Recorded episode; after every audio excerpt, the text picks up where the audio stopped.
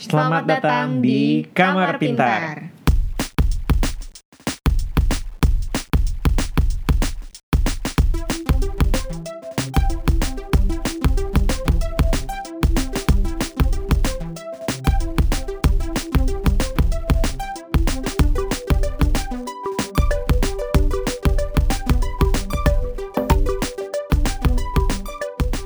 Selamat datang di episode perdana Kamar Pintar. Hari ini ada aku, Ano, dan Aku Sasa.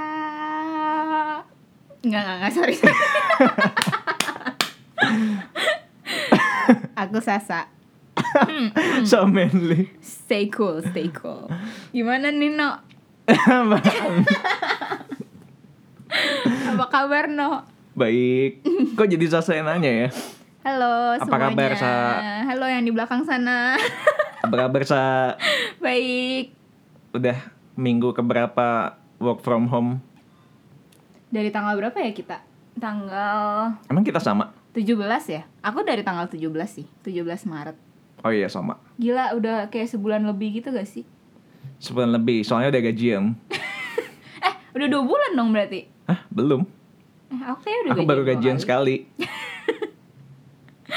Oke gimana no rasanya WFH? Ah, bosen. Aku tuh aku tuh tipe orang ini sih. Aku sebenarnya nggak masalah mau kerja di kantor atau di rumah. Cuman aku tuh nggak bisa kerja di satu tempat terlalu lama gitu loh. Gitu. Hmm, Kamu gimana, Sa? Aku bosen sih kadang Tapi kadang sama aja sibuknya kayak kerja di kantor Jadi ya gitu deh Tapi kamu lebih nyaman kerja di kantor atau kerja di di rumah? Aku Aku lebih nyaman di rumah sih Sorry om Kayak kalau di rumah tuh apa ya Kayak lebih produktif aja rasanya Kenapa lebih bisa sambil beres-beres? Iya Sambil belajar yang lain Oke, eh Kalau. Ano apa? Ano tuh tipe yang WFH-nya ngerasa bosen atau yang kayak ngerasa kok cepet banget sih gila udah sore aja gitu. Hmm, ngerasa kadang cepat banget sih udah sore. Kok, kok udah jam segini gitu. Hmm. Soalnya kan aku kerja emang mulai dari agak siang kan. Kalau Sasa kan dari jam 8, kalau aku kan kayak dari jam 11 gitu baru mulai kerja. Hmm, tapi Ano sampai malam kan, sampai kayak Ya, jam sampai malam. 9 gitu masih ngerjain. Ah, Iya, iya, iya. Jadi tuh ini tuh ada two types of people selama WFH. Ada yang WFH ngerasanya bosen banget, nggak tahu mau ngapain, kayak nggak ada kerjaan. Ada juga yang kayak gila perasaan baru cuci piring, tau tahu udah sore aja gitu. cuci piring ini WFH-nya sebagai apa ya? Kan makan kan. Ah, Terus kayak perasaan baru masak, terus makan cuci piring, eh tau tahu udah jam pulang kerja gitu. Hmm. Pernah nggak no ngerasa kayak gitu kayak belum ngapa-ngapain tapi tau tahu udah sore gitu. hmm, ya soalnya kan aku lumayan ngerasa kayak waktunya terlalu cepat berlalu gitu. Hmm, iya iya iya. iya. Mau tahu gak itu kenapa? Kenapa? Karena Ano udah tua. Jadi tuh perasaan kita bosen atau waktunya jalan cepet banget tuh sangat berpengaruh sama umur kita. Ini tuh ada bahasanya sama topik podcast kita kali ini. Iya iya dong. Smooth gak? Enggak ya? Leu gau. kayak kita kan kadang ngerasa kayak bosen banget karena waktunya nggak habis-habis kan Nah. kayak kok hari Senin tuh lama banget ya tapi tuh kayak sebagian orang ada yang ngerasa hari yang sama itu hari Senin itu tuh ngerasa cepet banget buat mereka nah tapi tuh ini bukan karena hari Senin ternyata lebih dari 24 jam tapi karena pandangan kita terhadap waktu tuh berbeda gitu Coba jelasin dikit, intro dikit ini kita bahas tentang apa sih? Nama matkulnya apa gitu. Matko. Kita tuh hari ini akan ngebahas tentang bagaimana manusia punya kemampuan untuk mendeteksi waktu. Wadaw. Ah, oke. Jadi Agak kayak speechless. jadi kita tuh sebenarnya punya kemampuan untuk mengetahui jangka waktu gitu loh. Di otak kita ya. Kayak tanpa jam, kita tuh sebenarnya bisa ngira-ngira sekarang tuh harusnya udah jam berapa atau misalkan kita lagi ngerjain sesuatu, kita tuh bisa kira-kira sendiri jangka waktu yang kita pakai untuk ngerjain itu tuh berapa lama gitu. Ya, ya, ya. Maksudnya ini bukan sih kayak kadang kita suka targetin Saya kayak oh mau kerjain ini kayaknya dua jam bisa gitu. Hmm, iya bener.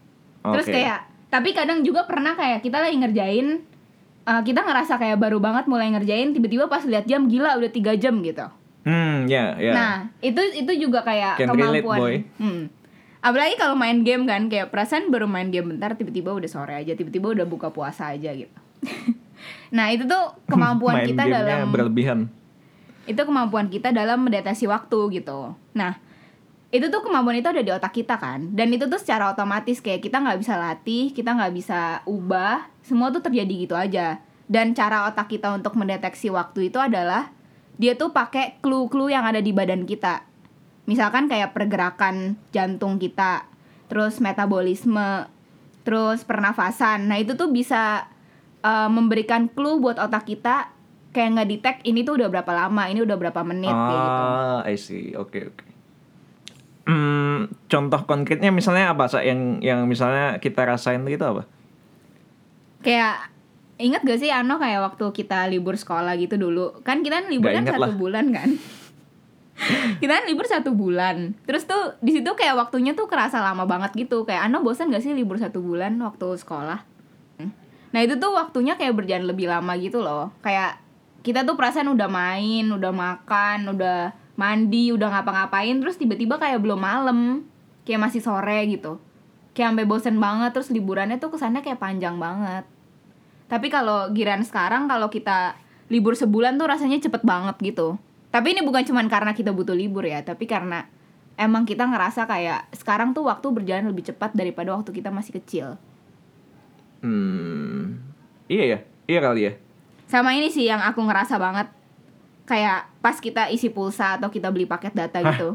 Itu kan kita isinya sebulan sekali kan. Tapi ngerasanya tuh kayak perasaan kemarin baru isi terus tiba-tiba udah dapet SMS lagi kalau paket data akan segera berakhir. Ternyata udah satu bulan gitu loh. Kayak nggak kerasa banget udah satu bulan. Oh, iya sih. Iya, ya. bener juga ya. Ya, itu kenapa, Sa? Nah, ini aku bakal jelasin ya. Tapi ini akan agak IPA sih. Tapi ya semoga ini bisa terdengar sesimpel mungkin. Aku akan coba. Ah, Kalau gitu aku ngos-ngosan. Padahal anak IPA, no. Oke, all jokes aside. Jadi di tahun 90-an, gak penting sih tahunnya. Tapi intinya ada satu research group yang mengangkat bahasan tentang ini. Jadi mereka tuh, eh, hipotesa mereka adalah waktu berjalan lebih cepat seiring bertambahnya umur. Jadi mereka di dalam research group ini mereka ngelakuin eksperimen dan melibatkan sekitar 20-an orang yang umur 19 sampai 24 tahun dan 20 orang lainnya yang umurnya 60 sampai 80 tahun. Jadi mereka ambil sampel tuh yang remaja dan yang udah tua. Bentar, Sa. Ah, kan tadi semakin dewasa tuh semakin cepat kan waktu. Eh, maksudnya kayak apa? Kita merasa waktu lebih cepat. Oh, oke. Aku pikir tadi kayak kan sebenarnya sama aja tiap hari 24 jam dan satu detik eh satu menit 60 detik gitu-gitu kan sama aja kan. Kayak gimana ceritanya bisa beda tiap orang semakin dewasa semakin cepat.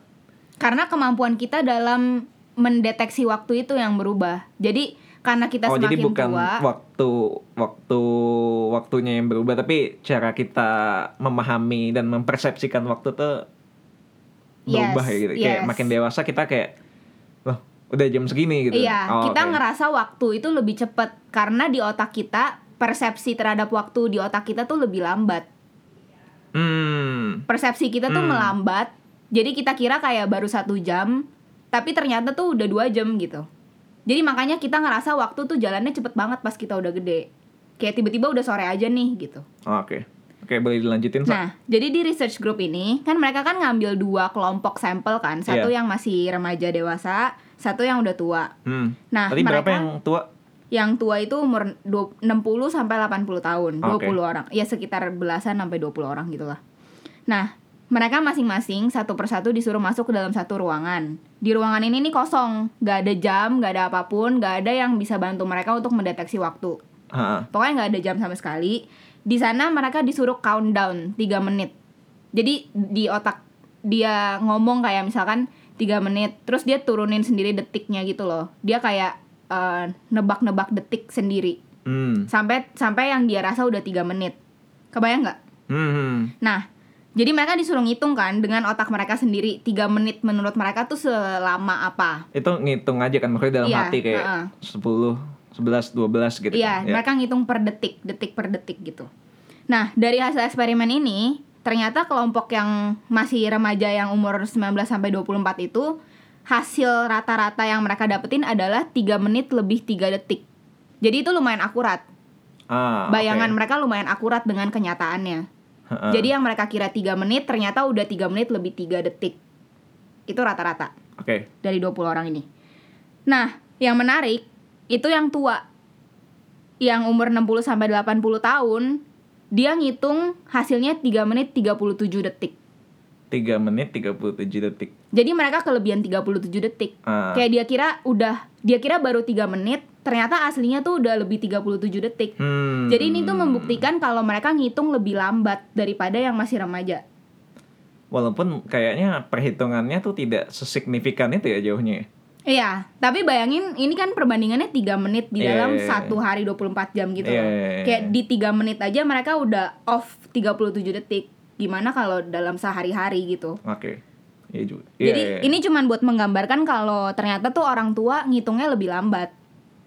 Tapi sebenarnya kalau kita bandingin kayak gerakan kita sama orang tua kita atau kakek nenek kita kayak make sense gitu sih. Kayak kita gerakan jauh lebih cepat daripada mereka kan. Mereka kan kayak makin nyantai, makin slow, Iya, iya, iya, kayak iya. gerakannya makin lambat. Nah, itu juga menyebabkan perception of time dia tuh juga melambat. Oke, oke. Jadi, Jadi- kayak misalnya dulu kayak mau lari satu kilo bisa dalam lima menit gitu. Hmm. Tiba-tiba pas sudah makin dewasa, makin tua kayak bisa jadi 10 menit gitu. Iya, iya. Oke. Dan ketika kita tua, karena kita udah terbiasa lari satu kilometer itu 5 menit, pas kita udah tua satu kilometer kita kira 5 menit. Hmm. Padahal aslinya kayak udah 15 menit gitu misalkan, kayak gitu. Ah, Jadi itu yang menyebabkan kenapa kita makin kita tua tuh kita ngitung waktu lebih lambat daripada aslinya. Oke. Make sense sih. Tapi mungkin aku kalau dulu nggak terlalu berasa, mungkin karena masih belum jauh kali ya jaraknya. Mungkin aku akan kerasa kalau udah umur 50 tahunan. Iya. Sebenarnya kayak kita masih dalam kelompok yang 19 sampai 24 sih, yang masih perhitungannya masih akurat dengan Hmm. yang kenyataannya gitu loh. Mungkin Hmm. kalau kita bandingin sama orang tua atau kakek nenek kita baru kayak mereka akan lebih ngerasa kalau waktu tuh berjalan lebih cepat gitu. Nah, jadi dari riset ini tuh udah lumayan terbukti kan kalau misalkan manusia tuh punya kemampuan untuk membayangkan waktu dan orang yang lebih tua itu ngitung lebih lambat daripada yang lebih muda Iya, iya, iya. ya kan. Nah sebenarnya tuh banyak faktor saintifik di sini yang menjelaskan kenapa ini tuh bisa terjadi. Jadi otak kita kan ngira-ngira waktu dari clue-clue yang ada di badan kita kan. Hmm, kayak, tadi detak aku cerita ya. gitu ya. Kayak ada metabolisme kita, terus kayak aliran darah, terus pernafasan kita. Itu tuh semua dijadiin clue buat otak kita detect waktu. Nah, semakin kita tua, semua itu tuh melambat. Jadi eh, metabolismenya melambat, terus eh, detak jantung kita melambat. Nah, yang menarik tuh kalau misalkan kalian atau siapa pun yang dengar punya adik kayak yang masih kecil gitu, coba deh kalian kayak dengerin detak jantung dia, terus bandingin sama detak jantung kita itu tuh kayak mereka tuh jauh lebih cepet detak jantungnya. Hmm, karena proses mereka apa kayak metabolisme dan lain-lain itu masih Masih cepat. lebih cepet. Jadi Oh. kayak ketika kita masih kecil tuh ternyata kita jauh lebih hiperaktif lah Lebih anggapannya aktif. kayak Oh, oke. geraknya lebih cepat semuanya lebih cepat dibanding Ah. kita yang sekarang makanya sekarang tuh kita semuanya makin lambat makin tua nanti juga makin lambat lagi lambat lagi kayak Itu gitu mikirnya juga lebih makin lambat. iya Ah. Pantesan sekarang aku merasa kayaknya dulu waktu SMP SD gitu kayak entah kenapa mikir lebih cepet ya daripada sekarang. Iya, Sekarang tuh iya, kayak iya. entah kenapa jadi kayak ngelamun gitu. sama ini sih kayak kita belajar tuh dulu lebih cepet kayak kita belajar hal yang baru tuh lebih cepet nyerapnya di otak kita gitu loh Oh. tapi kalau sekarang tuh kayak kita Iya, belajar iya. sesuatu tuh Bener kayak lama gitu kayak harus diulang-ulang lagi kayak kita baca tuh lebih lama Iya, kadang aku gitu. baca sekarang tuh baca tuh aku bisa kayak dua tiga kali baca gitu baru memahami. Iya iya iya. Tapi kayak dulu pas kita UN bahasa Indonesia gitu, kita baca cepet banget, ya kan? Kayak kita Hmm. kita nggak masalah dengan kecepatan itu. Tapi sekarang tuh kayak kita kayak tunggu tunggu tunggu. Ini gue yang jadi bego apa emang badan kita yang berubah gitu? Nah terus eh, tadi kan yang jadi clue adalah pernafasan, metabolisme dan lain-lain gitu kan. Nah, terus yang menarik ada satu lagi profesor. Dia tuh juga meneliti tentang ini, beda sama profesor yang tadi. Tapi dia meneliti tentang ini dan dia ngambil salah satu faktor penyebabnya adalah pergerakan mata kita. Hmm? Jadi tanpa kita sadari ternyata setiap manusia tuh punya pergerakan mata namanya saccadic eye movement. Tapi aku nggak tahu bahasa Indonesianya sorry. Apa-apa? Saccadic eye movement. Sekediknya tuh gimana? S A C C A D I C. Oh, oke. Saccadic eye movement. Oke. Itu tuh kayak mata kita tuh tiap beberapa menit atau beberapa detik itu akan Berkedip, bukan. eh, kayak gerak untuk anggapannya mengambil informasi yang udah kita lihat tuh dimasukin ke otak. Jadi Hmm. gampangnya ini tuh kayak save button gitu loh. Hmm. Jadi gambar yang kita lihat itu setiap berapa detik itu akan dianterin ke otak. Oh, oke. Nah. Pengantaran ini yang namanya saccadic eye movement. Jadi Hmm. dia kayak nge-save gambar-gambar yang kita lihat. Nah, yang menarik adalah kalau kita masih kecil, jarak antara satu movement dan movement selanjutnya tuh jauh lebih cepat daripada ketika kita udah tua. Karena anggapannya cara gampangnya kan ini tuh kayak save button kan. Mm-mm. Kayak misalnya kita ngedesain nih. Kalau kita ngedesain sesuatu ada perubahan yang baru pasti kita akan save lagi dong. Hmm. Terus kita save lagi, save lagi. Nah, anak kecil juga begitu karena ga- gambar yang dia lihat tuh semuanya baru menurut mereka. Karena mereka baru belajar. Oh. Jadi mereka save lagi, terus mereka save lagi, save lagi. Tapi sedangkan semakin kita tua, semua yang kita lihat tuh udah sama aja. Jadi jarak save-nya tuh makin lambat. Hmm, lupa nge-save gitu ya? Ya kayak kita kalau desain terus misalkan perubahannya baru dikit banget, kita save-nya nanti dong ketika perubahannya banyak terus baru save Ah. lagi, baru save lagi gitu kan. Tapi ketika kita baru mulai desain banget nih, misalnya kita bikin lingkaran. Lingkaran itu di save. Ya kan? Kayak Hmm. jarak antar save-nya tuh lebih deket ketika kita masih kecil. Nah, ini juga jadi patokan buat otak kita ngedeteksi waktu. Jadi, misalkan dalam satu menit tuh kita nge-save lima kali waktu kita masih kecil. Hmm. Nah, ketika kita gede, satu menit tuh kita nge-save cuma dua kali misalkan. Hmm. Jadi ketika kita save dua kali, otak kita tuh nganggepnya ini belum satu menit. Oh, jadi kayak setelah kita Save lima dua kali. menit gitu, dua menit. Iya, misalkan dua lima. atau tiga eh dua atau tiga menit berarti kita udah baru anggapannya satu menit Iya, gitu. di otak kita. Karena Ah. kita baru nge-save lima kali kayak gitu. Itu ini contoh-contoh sederhananya banget sih kayak Iya. gitu. Tapi sebenarnya sejujurnya aku juga nggak tahu kita tuh saccadic eye movement ini tuh terjadi setiap berapa detik. Tapi Hmm. ini buat supaya ada bayangan aja kayak perbedaan waktunya gitu loh antara anak kecil sama orang yang lebih dewasa gitu. tapi ini tiap orang juga bisa beda-beda Yes, menarik banget justru Hano bilang kayak gitu karena jadi sebenarnya si profesor ini tuh juga bilang kalau ada faktor lain yang menyebabkan pelambatan ini, yaitu ketika kita lagi kecapean, kalau kecapean kita lebih lama lebih lama. Eh, Coba deh. Ano tahu gak ada satu profesi yang ternyata tanpa kita sadari itu sangat mengandalkan perception of time ini. timekeeper Ya, timekeeper kan bisa sambil lihat. oh iya apa ya Close sih, close. Eh, profesinya di daerah itu. Wasit wasit wasit juga lihat ya Eh, deket juga, deket. Eh, nggak tahu apa atletnya atlet kan pas dia lagi main Oh. pas dia lagi main dia nggak mungkin sambil lihat timer atau apa pun yang di papan itu kan Iya, iya, dia iya, pasti iya. akan main aja kan Hmm. nah tanpa disadari mereka tuh juga ngira-ngira eh, kira-kira ini tuh waktunya tinggal berapa menit lagi yang tersisa gitu-gitu Hmm. mereka tuh harus lebih precise dalam eh, ngira-ngira waktu ini Hmm. Nah, ini tuh menyebabkan kalau misalkan si atlet ini kecapean, eh, perception of time dia tuh akan jadi salah. Hmm. Dan itu bikin poor movementnya dia. Jadi performance dia tuh juga jadi menurun. Oh. Karena dia kayak jadi nggak bisa lebih responsif gitu loh. Kayak otak dia tuh jadi melambat. Jadi misalkan bolanya kelempar nih. Perkiraan bola nyampe ke dia tuh akan salah jadinya. Oh jadi kayak dia uh, lebih lama nunggunya gitu ya, Iya, bukan iya. dikejar kayak takutnya direbut duluan gitu. Mm-mm, kayak dia kira harusnya bolanya belum nyampe nih, tapi ternyata udah nyampe duluan kayak gitu. Karena dia makin capek, jadi eh, pemikiran dia terhadap waktu tuh jadi makin salah gitu loh. Gitu sih. Aku juga kayak baru nyadar kayak oh iya ya atlet juga harus ngira-ngira tentang waktu ini ya gitu. Iya juga. Iya iya, benar benar benar. Menarik menarik. Hmm, ya kan? Nah, terus terus selain itu, enggak sih ini sebenarnya juga mendukung teori yang sebelumnya. Kayak ingat gak sih Ano kan anak IPA nih. Sebenarnya aku maunya masuk IPS sih. Oke, anggaplah Ano IPA. Ya tapi kan emang beneran IPA. Oke, nggak usah dianggap. Dulu Ano ingat gak pernah belajar tentang neuron yang nganter signal ke otak. Tidak. Jadi neuron tuh kayak sistem syaraf kita gitu loh yang nganterin semua signal yang kita dapetin kayak rangsangan, kayak oh sentuhan. iya oke. Iya, iya. Semuanya Iya, iya. signal ini tuh harus melewati neuron untuk nyampe ke otak. Iya ingat ingat ingat ingat. Buat dokter-dokter maaf ya kalau penjelasan aku Ini salah. saraf gitu ya? iya Iya, iya, iya. sistem saraf. Nah, jadi the funny thing is signal itu tuh males jalan. Jadi semakin jauh perjalanan mereka si signal ini, Hmm? mereka tuh semakin males. Jadi makin kita gede, saraf neuron kita kan makin panjang kan. Oh karena kita fisiknya semakin besar, Iya. semakin kayak tangan semakin panjang, Nah. kaki semakin tinggi gitu. Oke. Jadi saraf neuron itu makin panjang dan signal ini tuh makin males buat jalan Hmm, sejauh itu. Itu emang udah sifat Jadi si melambat. apa? Sifat si neuronnya apa? Si- Sifat signalnya. Oh, oke. Jadi signalnya tuh males kalau harus jalanin neuron yang jauh-jauh gitu. Oke. Jadi makanya tuh signal yang nyampe ke otak tuh akan lebih lambat. Ah. Dan itu juga makanya bikin kita mikirnya lebih lambat.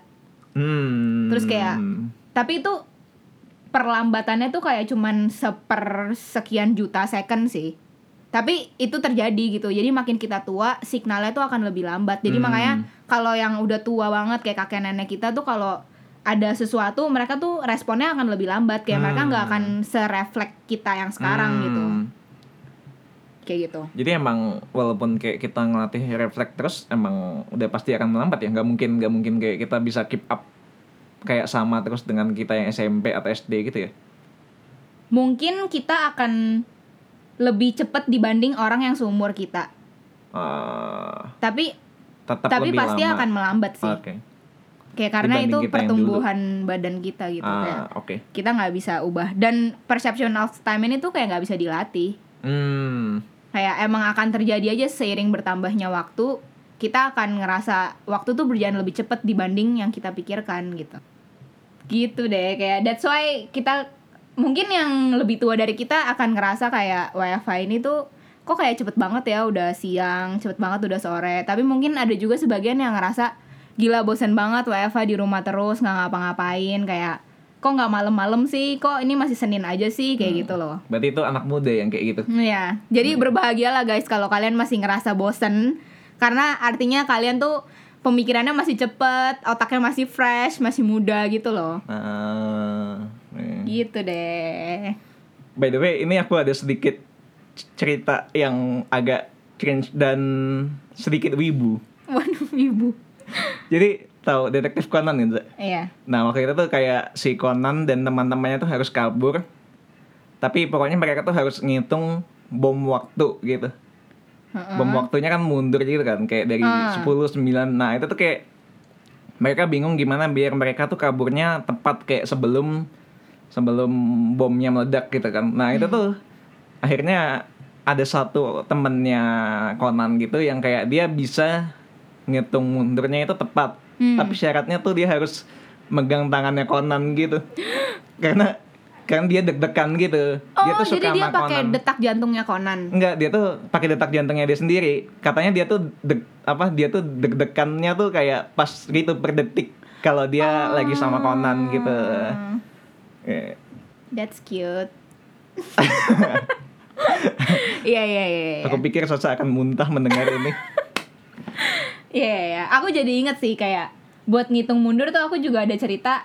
Ini sebenarnya agak dark sih. Cerita Hmm. tentang kayak ada satu anak yang diculik gitu loh. Hmm. Dan dia diculik, terus dia dimasukin ke dalam satu box, eh, mobil box yang kayak semuanya gelap. Mobil van gitu ya, mobil Iya. van gitu ya. Nah, terus dia mobilnya jalan kan, Hmm. tapi dia kan nggak tahu ini jalannya ke mana. Hmm. Nah, dia tuh ngebayangin jalannya sejauh apa dengan Ngitung. dengan ngitung waktunya. Ah. waktu perjalanan waktu mobilnya jalan tuh selama apa jadi dia bisa bayangin mobilnya udah berjalan sejauh apa nah karena dia tahu kalau perkiraan waktu dia nggak akan tepat dia sambil ngira-ngira tuh dia sambil nyanyi jadi Oh, dia pakai lagu Ngitung lagunya gitu. Oh, Iya. wow. aku lupa deh waktu itu lagu yang dia pakai tuh apa tapi lagu itu tuh durasinya kayak sekitar 3 menit sekian detik gitu jadi dia nyanyi lagu itu terus-terusan Ah, ah. nanti dia hitung dia udah berapa kali nyanyi Hmm. gitu. Jadi mungkin itu akan bikin kita lebih sadar tentang waktu karena kan kalau beat di lagu kan akan konstan kan. Iya. iya, iya. Dibanding kalau kita mikir kayak satu, dua, Walaupun tiga. mungkin itu tempo akan kita beda. akan berubah-berubah ya. maksudnya kayak- tapi ada patokan yang lebih jelas. Iya, jadi dia tuh pakai lagu buat jadi patokan dia. Gitu. Good boy. Eh, itu pintar banget sih kayak pas aku tahu dia kepikiran dan itu tuh anaknya masih kecil kayak masih umur belasan tahun deh kalau nggak salah. Aku lupa tapi ini kasusnya tentang siapa. Tapi kayak pinter banget dia bisa mikir untuk nyanyi selama perjalanan itu Hmm. Itu di luar ya, Sa? di luar. Ah. Oke, wow, eh, keren banget Sasa. Wow, semoga Thank you Sa. semoga kalian ngerti ya. Aku nggak tahu sih penjelasan aku bingungin apa enggak. Maaf ya guys. Masih Tapi ini ini, beneran. masih apa namanya? Newbie, Iya, Rookie. newbie, newbie. Test drive, test drive. test drive. Episode pertama. episode pertama. Eh, thank you banget buat Salsa yang udah riset keren banget sih. Wow. Itu aku juga kayak sebenarnya aku sempat dengar tentang ini tapi kayak ya oke lah cuman sekilas info doang tapi eh, menurut aku penjelasan Salsa cukup mudah diterima sih. Makasih loh. Eh, sama-sama. Aku Eh, juga pas belajar ini kayak ngerasa relate banget sih pas aku baca kayak oh iya bener juga kayak hmm, makanya kita bosen makanya kita ngerasa ini cepet banget udah siang cepet banget udah sore kayak gitu Oke, eh, thank you buat Sasa yang udah berbagi info. Thank you for Thank you, having Sa. me. Aku kayak bintang tamu gitu di sini. Padahal minggu depan ketemu lagi. iya, betul minggu depan. Eh, thank you buat Sasa, thank you juga buat kalian yang udah dengerin. Eh, jangan lupa kita juga punya podcast di kamar sebelah, ada kamar kreatif. Yeay, Ah. hi Jen, hi Gret. Itu yang bakal terbit tiap bakal terbit ya bakal tayang tiap Senin. Kita bakal tayang tiap hari Rabu jam 6 sore. Dan Di- kita juga ada Instagram guys. Iya, kita ada Instagram at kamersinier.id. Tolong di follow ya. Thank you sa udah mengingatkan. Ah, terus kalau misalnya tadi infonya ada yang kurang atau kalian punya insight lain yang menarik juga tentang perce- perception of time ini, kalian bisa kirim ke email kita di kamar sini eh kamar pintar siniar at gmail.com. Yeay. Yeay, akhirnya udah ada email. Sekian podcast episode kali ini. Thank you buat selesai yang udah review. Thank you buat kalian yang udah dengerin juga. Thank you. Thank you. Have a nice day. Bye-bye. Bye. See you next week guys. Don't forget to wash your hands. Ya. Bye-bye. Bye.